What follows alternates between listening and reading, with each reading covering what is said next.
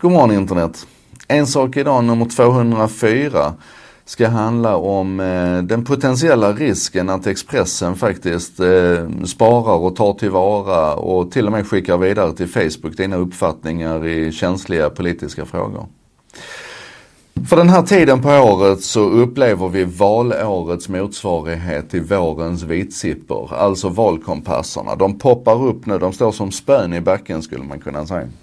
Och de har ju uppgiften, kan vi väl säga inom citationstecken, att vägleda dig och hjälpa dig hitta rätt i valet. Och eh, redan 2014 och, och 2010 faktiskt så vet jag att vi hade diskussioner, bland annat på min Facebook, om vilken effekt, vilken potentiell effekt de här valkompasserna har i att styra valresultatet i Sverige.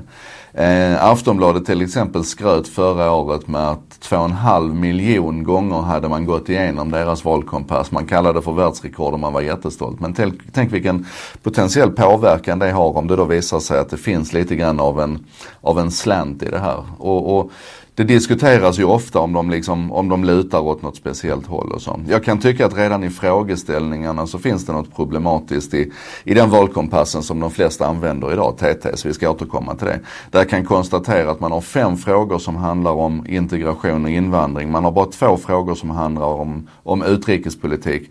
Man har två frågor om skola och man har en enda fråga om vården.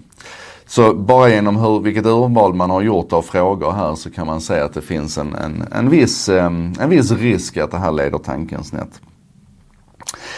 Um, om vi då ska titta rent tekniskt på det här nu, det här läckaget som potentiellt kan uppstå. Så är det så att de allra flesta sajterna, jag vet inte med Aftonbladet än för de har inte lanserat sin valkompass. Men de allra flesta som man kan titta på idag, Expressen och DN och, och GP och sådär.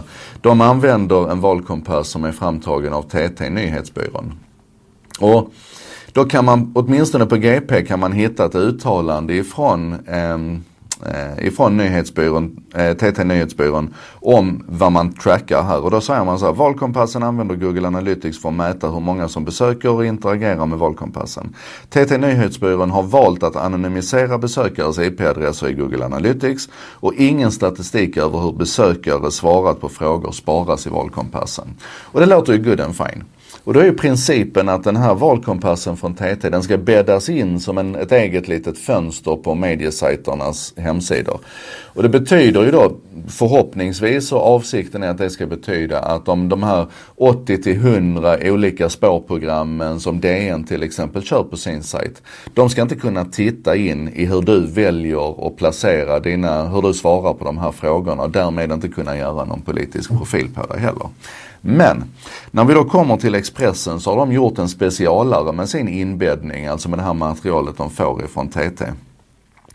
Och tittar man då på vilka, vilka spårprogram som faktiskt finns där så är det inte längre bara Google Analytics längre utan det är både Facebook Impressions och Facebook Connect som ligger där. Och det här öppnar alltså då potentiellt upp för att Expressen skickar dina åsikter i politiska frågor över till Facebook. Man har också sin egen linkpuls Linkpulse, som ligger och, och, och tittar på den här sidan. Och vad Expressen gör med de resultaten, det har jag ingen aning om.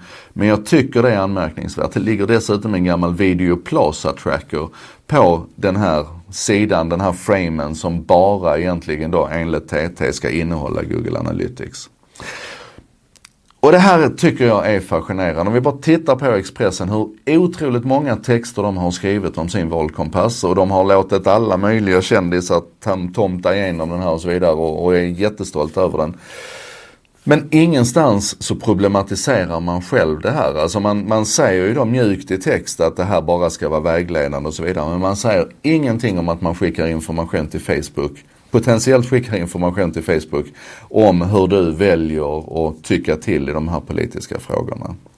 Det kan inte vara oproblematiskt Thomas Mattsson att ni gör på detta sättet och det måste vara en del av ert ansvar att berätta tydligt och klart vad ni gör med mina politiska åsikter. Allting annat, jag kan, jag kan se hur ni hade gått i taket om det hade varit någon annan som hade gjort det här. Så uppmaningen till dig är, gå med i digital samhällskunskap, håll koll på det som händer i den Facebookgruppen för här får man sådana här idéer och tankar från Carl Heath. Fundera på vad du själv tycker om det faktum, den här dubbla standardsen som gäller när medieföretagen hänger ut nätjättarna för deras, deras bristande hantering av din personliga integritet och så skickar Expressen dina, dina politiska åsikter rakt ner i famnen på Facebook själv. Um, aktivera dig i de här frågorna överhuvudtaget och framförallt använd inte bara valkompassen för att avgöra hur du ska rösta i den 9 september. Det här var en sak idag nummer 2004. Jag heter Joakim Jardenberg och jag gör det här med benäget bistånd ifrån vännerna på Bredband2, internetoperatören som låter andra snacka och som, som lyssnar själv. Um, det textas alltså och översätts till svenska och engelska av Contentor, byrån som jobbar med modern marknadsföring, redaktionella texter på nätet och översättningar.